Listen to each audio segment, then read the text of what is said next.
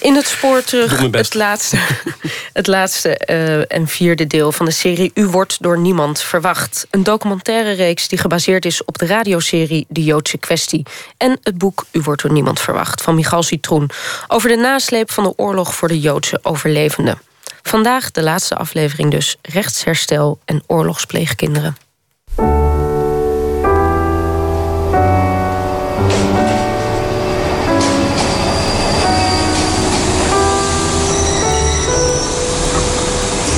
De mevrouw die in de zomer van 1945 uitstapt op het station in Amsterdam...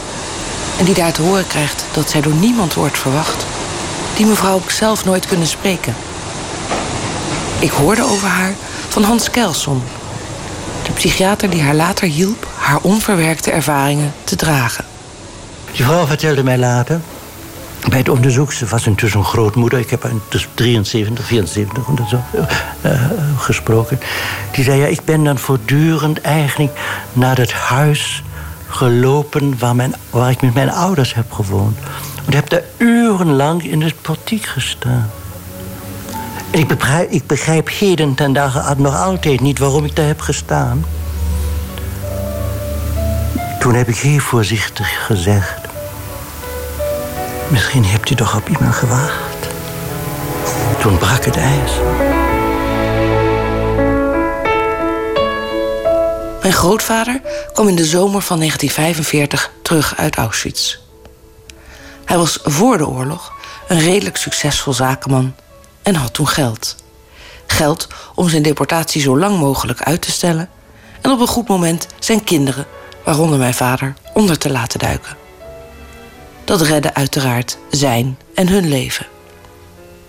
Hij vertelde weinig over zijn kampervaringen, behalve dat hij zijn leven te danken had aan een katholieke Pool die hij in het kamp had leren kennen. Ik ben nou toch in die verleden, nou de praat maar even door God. Toen kwam, kwam ik eraan en dan moest je naar die park toe lopen en daar waren zaaltjes. Ieder zaaltje had, had een barakken en dat waren Poolse gevangenen.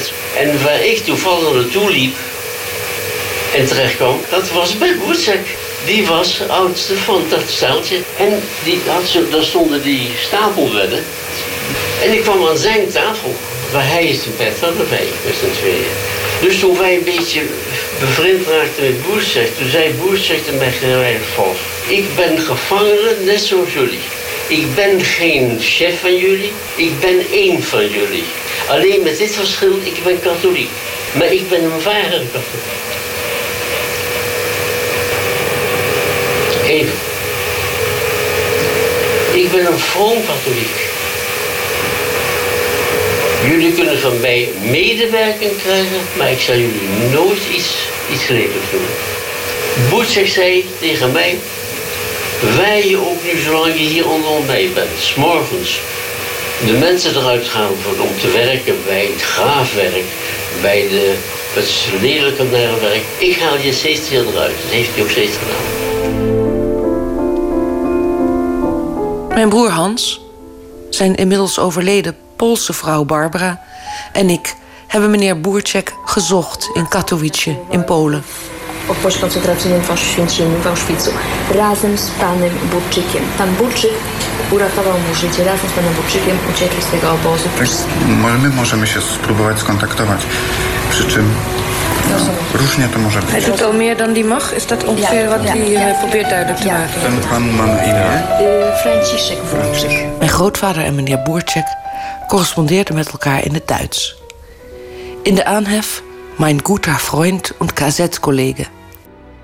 Ik herinner me dat als er een brief uit Polen kwam, dat hij altijd even van slag was. Hij stuurde een paar keer per jaar geld naar Polen. Want Boerczek had het niet makkelijk onder de communisten. Boerczek. 4A, ja. Ja, het is gewoon. Beren. Stage na 10 minuten beren. Oh ja, dus weer kort beren. Doen het? Ja. Is wat? Holy cannoli, zeg man. Die, uh, die, die was familie. Ja, die moet net nog familie is het.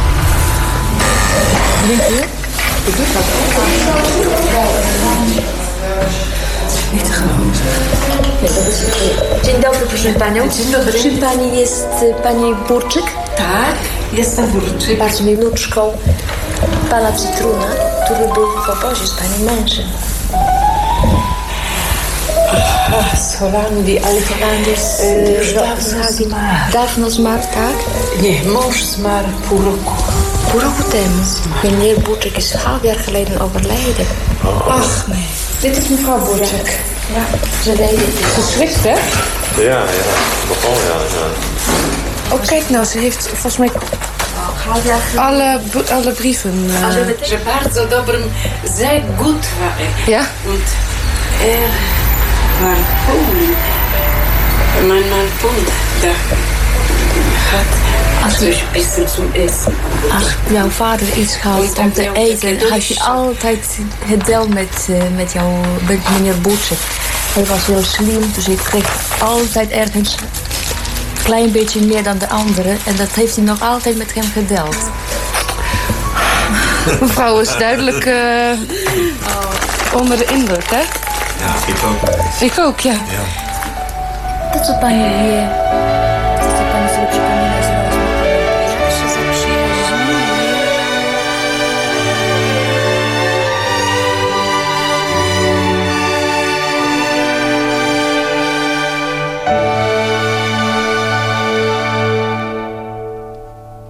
Tijdens ons bezoek in Katowice komt uit een la een foto van mijn opa in streepjespak.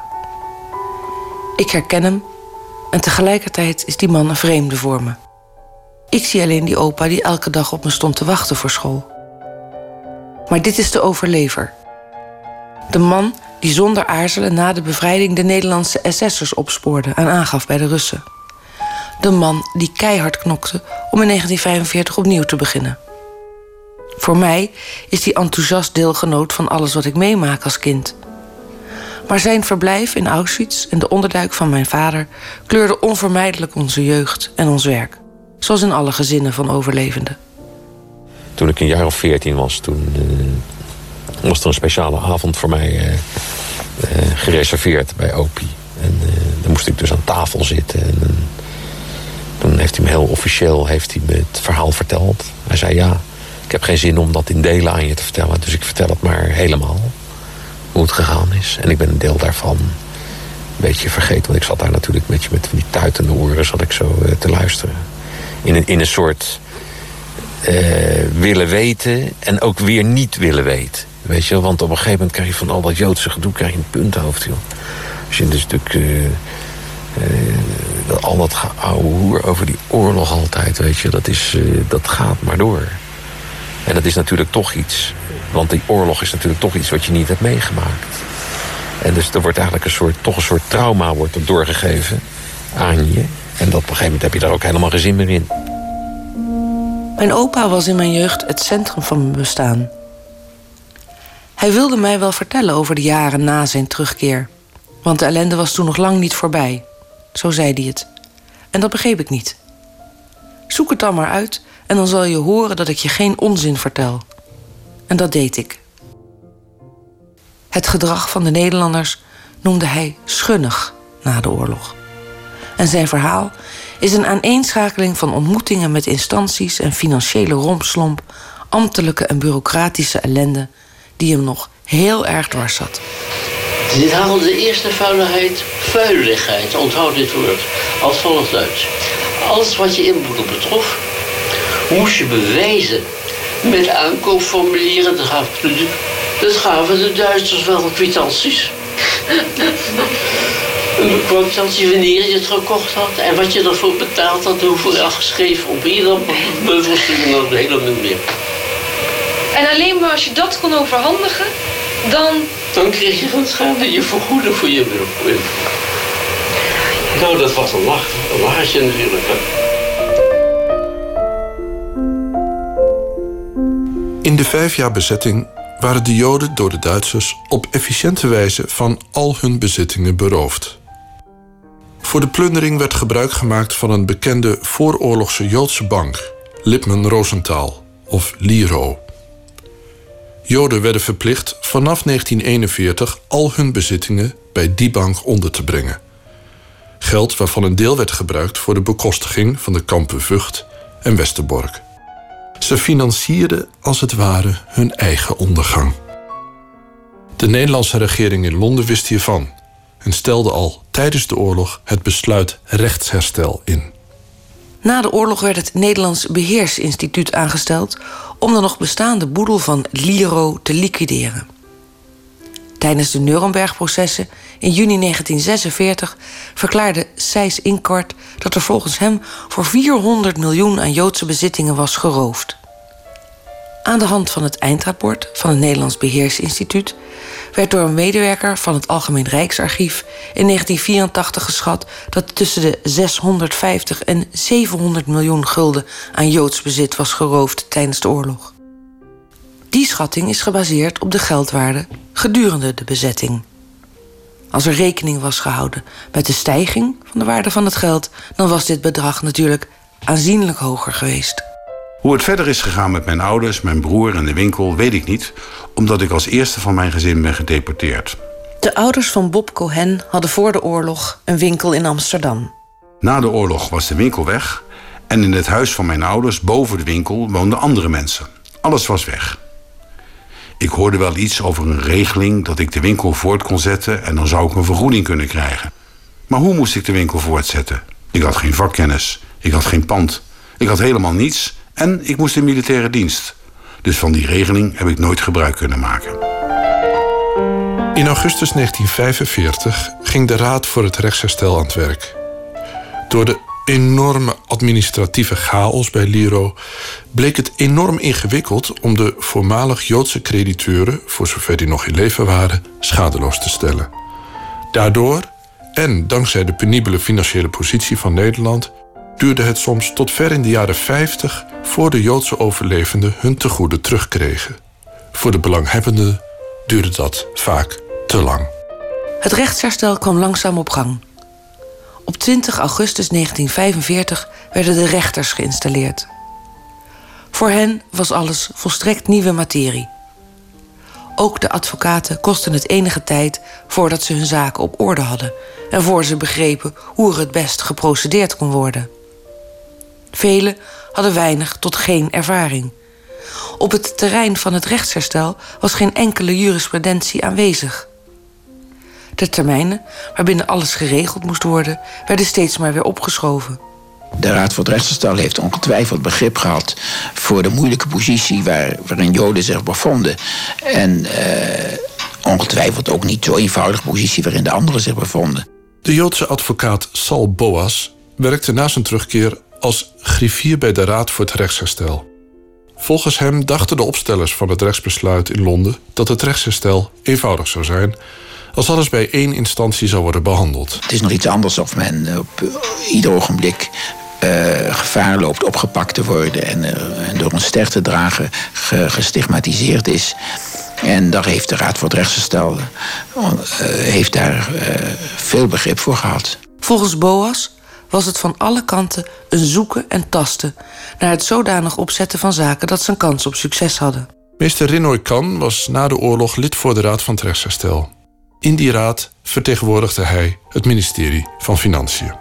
Het was niet zo dat wij een uitzonderingsregeling voor onze Joodse landgenoten konden maken, omdat die door, de, door uh, meneer Hitler en zijn trawanten uh, specifiek behandeld werden, dat we dat ook in onze Nederlandse wetgeving zouden introduceren. Of er aanleiding was tot noodmaatregelen, dat wil ik helemaal niet ontkennen. En dat zal ook wel gebeurd zijn. Ik had daar zelf niet rechtstreeks mee te maken. Maar in het kader van het rechtsverstel, van het herstel van de rechtsverhoudingen die door de oorlogsjaren ten onrechte waren gewijzigd en uh, waarop inbreuk was gemaakt op, op, op, fundamentele rechten. Daar was er geen verschil. Het was geen sociale maatregel, of, die, die liggen in een heel ander vlak. Daar had ik niet mee te maken. Toch zal eens het Joodse volksdeel, vermengd, nog niet onzield, zijn plaats hernemen aan de Nederlandse haardsteden. Al zal veel leed helaas niet ongedaan kunnen gemaakt worden. Het Nederlandse volk zal zich zijnerzijds beijveren om de geslagen Joodse wonden naar het beste vermogen te helen. Gelijk het zich zal inspannen om het doorstaande oorlogsleed aan al zijn kinderen te verzachten en te genezen. de grote hoeveelheid zaken die zich voorgedaan heeft, maakte nu eenmaal een, en een beperkt aantal mensen wat ermee bezig was, maakte niet anders mogelijk dan dat het uh, lang geduurd heeft en de vele beraad wat er nodig was om daartoe te komen.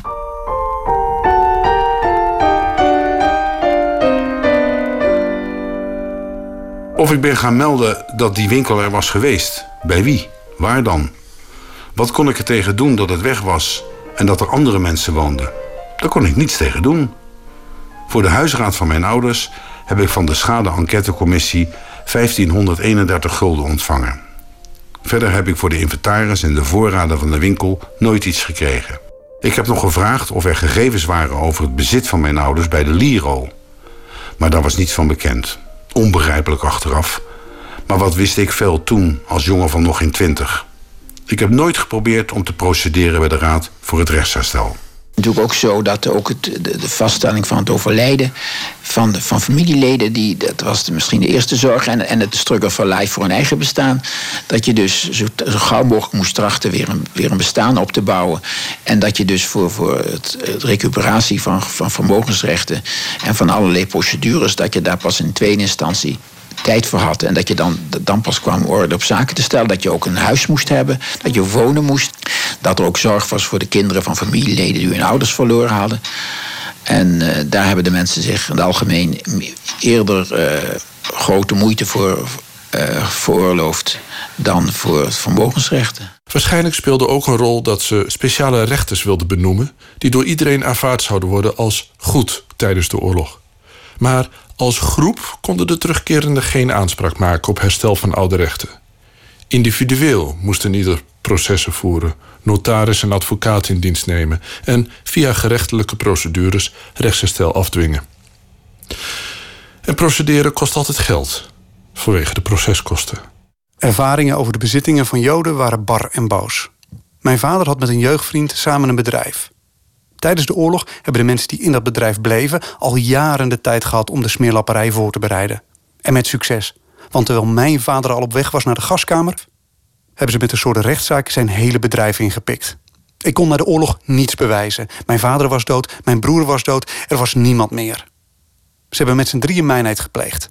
En ik weet zeker dat een van de drie het nooit had gedaan als hij had vermoed dat ik terug zou komen. Maar toen ik terugkwam, was het gebeurd. Er was niets meer aan te doen. Ik heb altijd geprobeerd om in mijn verdere leven niets te bereiken. Ik heb nooit willen voldoen aan het stigma dat op Joden rust. Het zijn handelsmensen enzovoorts. Iedereen weet wel wat ik bedoel. Dat is ook een van de redenen geweest waarom ik niet heb geprobeerd om die zaak alsnog te krijgen. Mijn hele leven is daardoor bepaald. Zo'n 13.500 zaken zijn tot 1966 door de Raad voor het Rechtsherstel behandeld. Volgens Boas waren het ook ingewikkelde problemen die niet zomaar met een pennenstreek konden worden rechtgezet. Bij mijn opa heb ik nooit het Nieuw Israëlitisch Weekblad zien liggen. Ik vermoed dat hij het blad in de jaren na de oorlog ook niet las. Hij was het wel eens geweest met de commentaren en hij had in het NIW bevestiging gevonden van wat hij schunnig gedrag noemde. Want in het NIW werd herhaaldelijk geschreven over de wantoestanden waar mensen naar het oordeel van de rapporteurs mee te maken kregen. Op 21 september 1945 schreef J. Cassares. De moffen hebben deze oorlog verloren, maar hun eenzijdige oorlog tegen de Joden hebben ze gewonnen.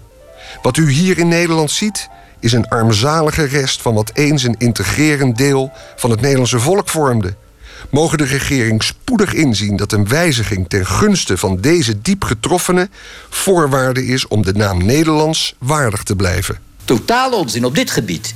Ik weet niet of het elders misschien wel eens. Uh, dat is bepaald volkomen ten onrechte. We waren daar erg juist heel gevoelig voor. En wij wilden dat die zaak zou slagen.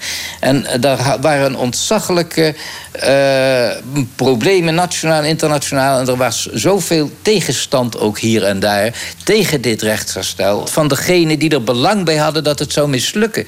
Omdat er toch wel een, een, hoop collaboratie was geweest... die uiteindelijk toch maar nauwelijks bekend was. En men had geprofiteerd ten dele. En die profiteurs, daar waren wij uh, vuil tegen. Ik bedoel, die, die, die wilden wij er dus juist uithalen.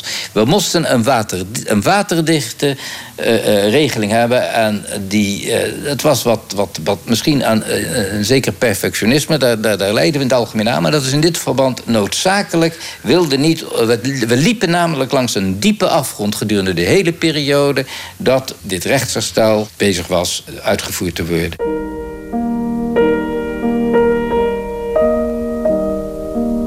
In het boek Na de oorlog van Carla Tromp vertelt Stien Krieger, een middenstandsvrouw in Amsterdam-Oost. We hadden een klant en die leefde in grote armoede. Daarboven woonde een Joodse kleermaker en die had het mooi gemeubileerd. Nou, ze trok van één hoog gewoon naar twee hoog. Had ze toch gelijk in toen? Dat zou ik ook gedaan hebben. Als ik nu een armoezooitje had en mijn buren werden weggehaald, dan zou ik het nog doen. Mijn ouders zaten op een zondagmorgen als enige in een heel blok in de Wieboudstraat. Alle Joden waren met het geweer in de nek weggehaald. Iedereen ging gauw die woningen slopen. Wij ook, want je had niks. Je wist toch onderhand wel dat die mensen niet terugkwamen? De historicus Eva Tas werd in 1961 gevraagd om te werken voor de redactie van de krant van het in 1956 opgerichte Nederlands Auschwitz-comité. Was verbaasd toen ze daar voor het eerst hoorde dat er nooit iets voor de vervolgingsslachtoffers was gebeurd. Dat zegt een heleboel dat ik verbaasd was. Want ik kende veel mensen. Ik was historica en zelf Jodin. Als iemand het besef had moeten hebben dat er iets voor de overlevenden moest gebeuren, dan was ik het wel. Er werd dus onderling ook niet over gesproken. Er waren natuurlijk mensen die in gunstige omstandigheden verkeerden. Maar sommigen hadden het heel beroerd. En dat was natuurlijk een schande. Maar het was geen onderwerp van gesprek. Het kreeg geen aandacht en er waren ook geen verwachtingen. Kijk, er ging niemand op zijn achterste benen staan. Een vriendin van mij hoorde collega's praten over de enorme hoeveelheden geld die de overgebleven Joden allemaal wel niet erfden. In een dergelijke stemming kan je niet veel begrip verwachten. Eerder onverschilligheid.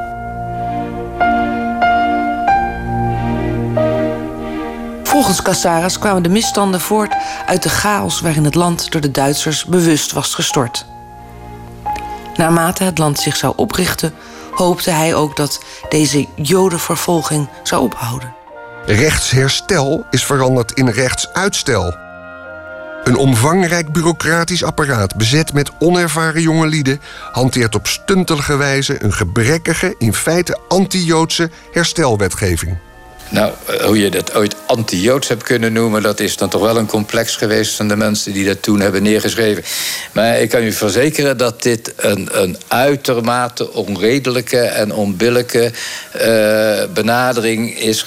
En uh, natuurlijk, alles had ook misschien wel een, nog weer een tikkeltje beter gekund. Hoewel ik eerlijk moet zeggen dat ik mij niet kan voorstellen dat dit heel veel verschil heeft kunnen maken. Gezien de problematiek waar we voor zaten. En de geringe mogelijkheden die Nederland ook financieel had op dat moment. We wisten ook helemaal niet dat het goed zou gaan op den duur. We hadden ook naar de Barabiesjes kunnen gaan.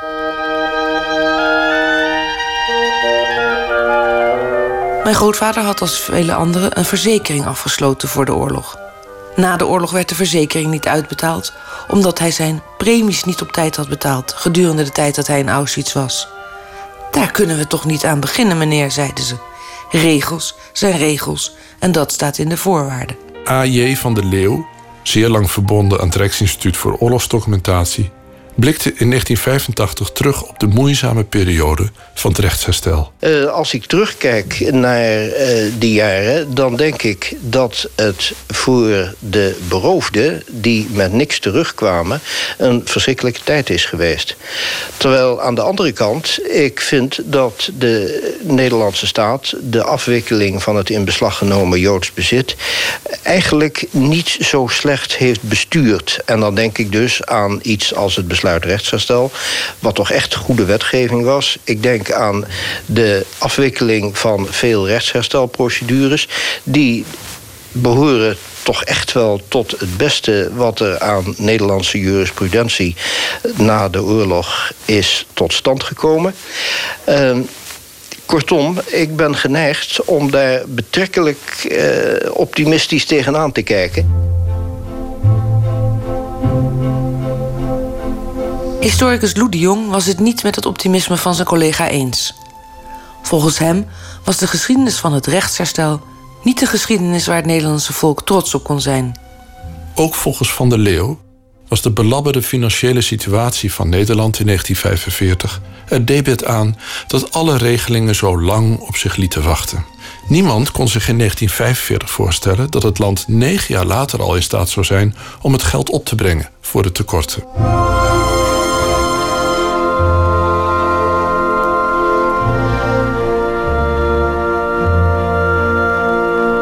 Jaap van Amerongen immigreerde naar Israël en werd daar Jacob Arnon. Ik ontmoette hem in 1985. Volgens Arnon werd het naoorlogse financiële beleid voor een belangrijk deel bepaald door de toenmalige minister van Financiën Liefdink. Een man die volgens hem veel krediet verdient. Maar het was ook zijn beleid dat de behandeling van de Joden bepaalde en de aanpassing na de oorlog bemoeilijkte. Door de geldzuivering bijvoorbeeld werden lange tijd alle tegoeden geblokkeerd.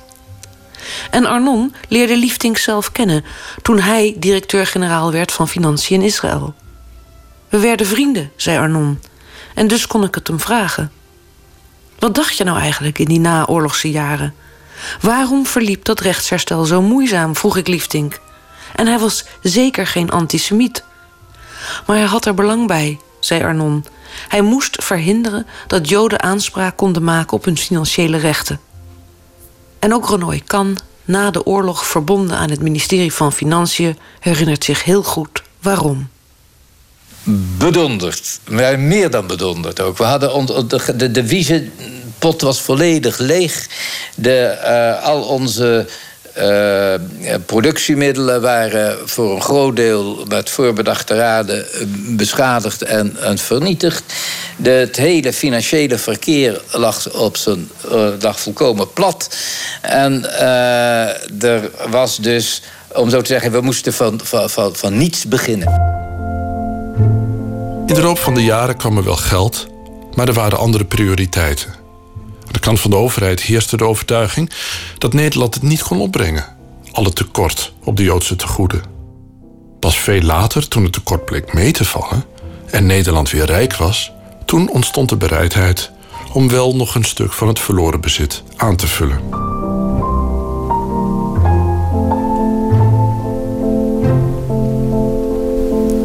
In veel verhalen herkende ik mijn landgenoten niet uit die naoorlogse tijd. Goed, bureaucratie, formalisme, doe maar gewoon, dan doe je al gek genoeg. Dat kon ik plaatsen. Maar er wordt gesproken over hebzucht en ongebreideld opportunisme. Het onderzoek van historicus Blom hielp een end op weg. Hij bestudeerde de publieke opinieonderzoeken uit die tijd en typeert de periode na de oorlog als de jaren van tucht en ascese. Uit publieke opinieonderzoeken blijkt volgens Blom dat tot eind jaren 40 de primaire levensbehoeften door een aanzienlijk deel van de bevolking als onvoldoende werden ervaren. Het gebrek aan voedsel, kolen en kleding leidden tot ontevredenheid. Direct na de oorlog waren Nederlanders nog wel bereid te accepteren dat er voedselgebrek was, maar een paar jaar later was dat al veel moeilijker. Ontevredenheid en reële nood maken hebzucht en opportunisme misschien iets begrijpelijker. Door de hele periode van 1945-1950 heen speelde angst voor werkloosheid een rol. Bovendien vonden Nederlanders dat er niet hard genoeg gewerkt kon worden. Van alle kanten werd de bevolking bestookt met propaganda die als doel had een aansporing te zijn tot nog meer prestaties in de wederopbouw. Uit de enquêtes in die tijd blijkt ook dat er korte tijd veel aandacht was voor dat wat er tijdens de oorlog was gebeurd. Maar dat die belangstelling, met uitzondering van het probleem van de zuiveringen, snel verdween. Hoe passen de Joodse oorlogsslachtoffers dan in dit beeld? In ieder geval was de Joodse zuil, voor zover die bestond, niet te vergelijken in omvang en kracht met de overige zuilen. Van Nederlanders werd een rigide gedragscode op alle fronten verlangd: soberheid, flink zijn, gehoorzaamheid en zuinigheid. Dat waren de gewaardeerde eigenschappen. De manier om de materieel schaarse jaren te doorstaan was een coöperatieve bevolking die zich zonder gemor liet leiden door de overheid en als verlengstuk van die overheid de zuilen. De zuilen speelden een belangrijke rol in het propageren van een restrictieve moraal in algemene zin en een disciplinerende arbeidsmoraal in het bijzonder. Blom constateert uit het publieke opinieonderzoek een sombere visie op heden en toekomst, die enigszins werd gecompenseerd door veiligheid in het gezin en de zuil. In de zuilen vonden velen hun plaats, hun zekerheden en daardoor hun gevoel van eigenwaarde.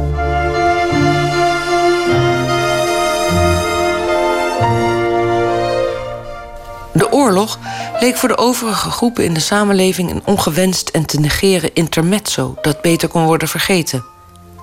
De beleving van de oorlog en de directe gevolgen waren voor een groot deel van de Nederlandse bevolking minder ernstig dan voor de resten van de Joodse gemeenschap. Maar een derde van de ondervraagden van toen meldde dat zijn leven door de oorlog was veranderd. Misschien is het gezien tegen deze achtergronden dan ook niet zo verwonderlijk dat er voor de slachtoffers van die oorlog ook weinig belangstelling was. Misschien vond de meerderheid van de bevolking ook echt dat het ongepast was om daar ophef over te maken. De nieuwe problemen, zoals de wederopbouw en de kwestie in Indonesië, eisten alle aandacht op. die, die eh, gemeenschap had eigenlijk toen andere zorgen. Die wilde weer opbouwen en wilde weer aan de slag. En die wilde vergeten. Hm, dat is te begrijpen. Dat is volledig invoelbaar. Die had geen zin te luisteren naar deze verhalen. Niet, hè? Dus je moet er ophouden. Je moet er niet bij de pakken neerzitten. Je moet weer wat beginnen. En zo. Eh, ik wil niet zeggen dat het een bewuste verwaarlozing was die er gebeurde, maar man hart zich natuurlijk. Man, man verzet zich tegen dat wat gebeurd is. Maar wil nieuw beginnen. Als ik zo terug zijn, zou zijn gekomen, had ik het ook kwalijk genomen. Hè? Zeer zeker. Uh, dat is zonder twijfel. Maar als je mij als arts vraagt, kan ik het kwalijk nemen? Kan ik zeggen nee, want ik weet hoe die hele maatschappij ontregeld was. En hoe die stemming toen was. Men wilde opbouwen en, en, en man begreep niet goed wat er eigenlijk aan de hand was. Man wilde het ook niet waar hebben. Het is een bepaalde vorm van logening.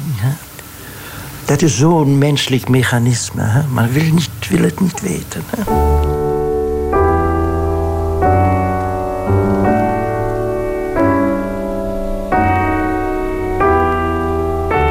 Ik ben toen ook opgehouden met erover te praten of te schrijven.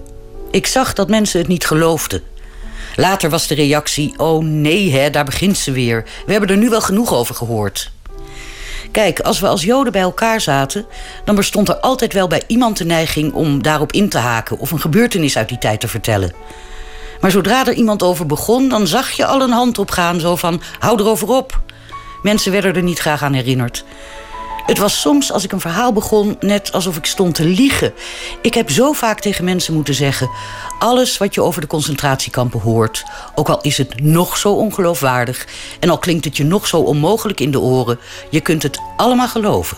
Er is niets wat niet gebeurd kan zijn. Ik was 27 toen ik terugkwam. Ik had na de oorlog gewoon weer een baan. Werkte, trouwde en had een maandsalaris. De wijsheden die ik nu heb, had ik toen niet. Je beseft pas achteraf wat er had moeten gebeuren. We hebben in de tweede helft van de jaren 60 van de Duitsers geld gekregen. De hoogte van het bedrag werd toen vastgesteld aan de hand van een puntensysteem, waarin wat je kreeg afhankelijk was van bijvoorbeeld hoeveel familieleden je had verloren. Mijn vrouw kreeg het maximale aantal punten. Ik kreeg ook een hoop punten. Dat was voor het eerst dat we nadachten over materiële opvang.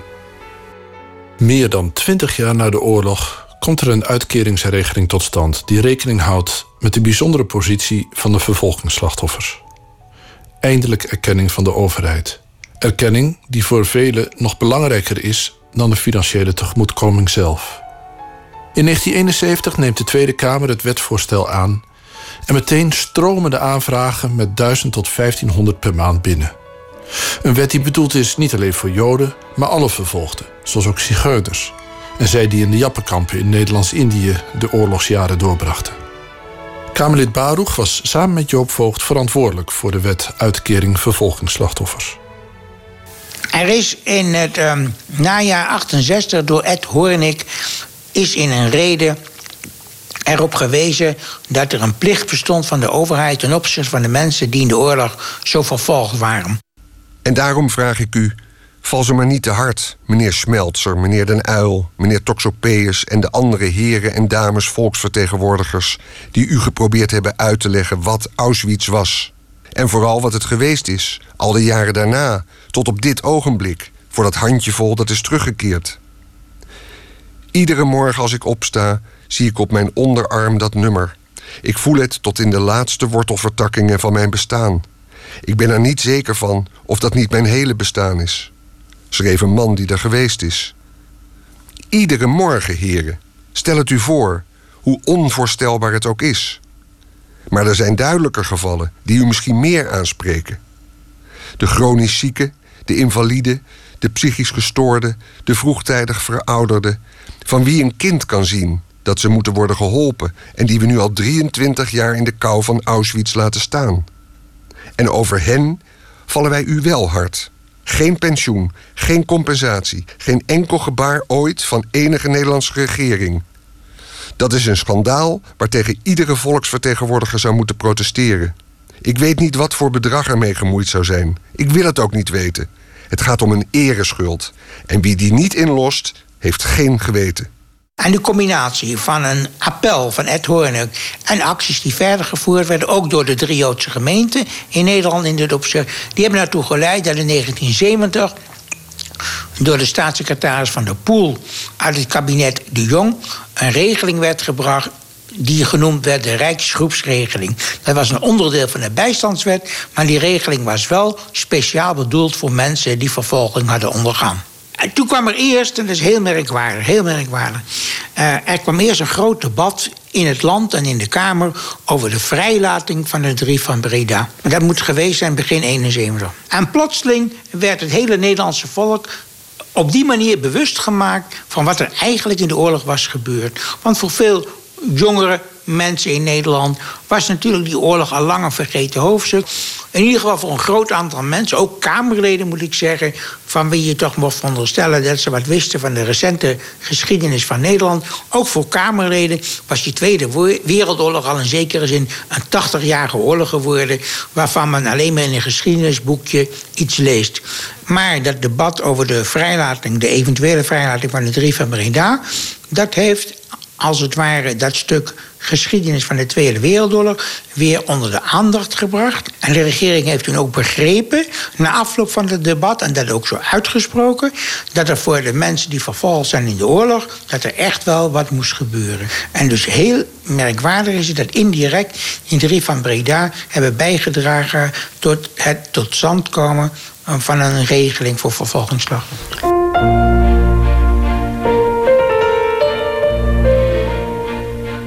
Sommigen beweren dat Nederland antisemitisch was geworden door vijf jaar bezetting.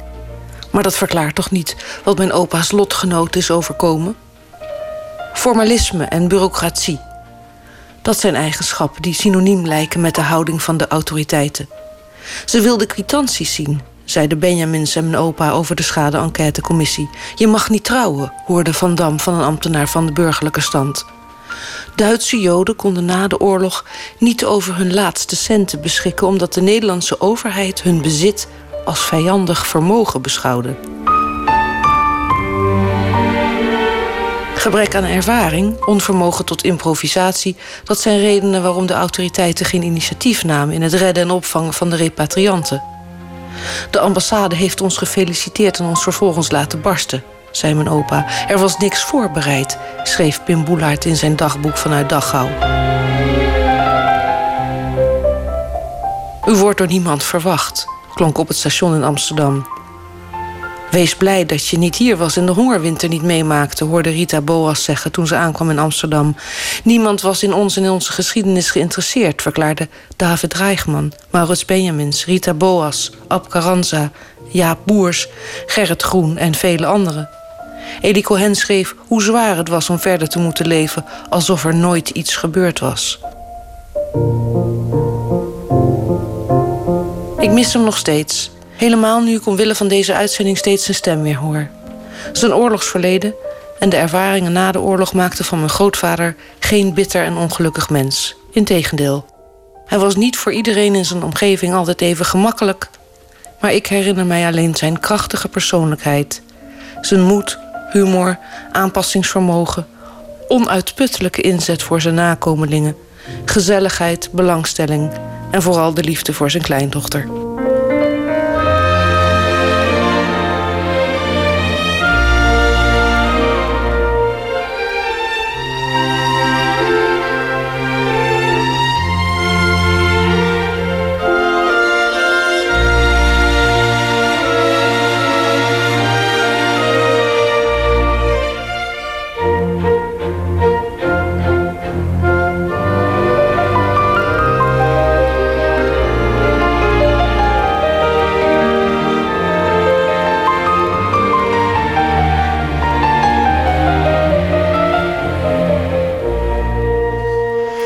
Dit was het vierde en laatste deel van een serie van Michal Citroen... gemonteerd met Berry Kamer.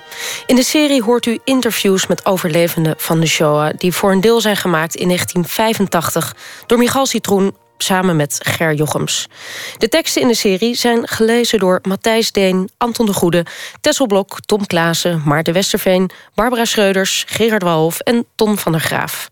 Het boek U wordt door niemand verwacht... is als e-book te verkrijgen bij uitgeverij Fosfor. De andere delen zijn terug te horen op NPO Geschiedenis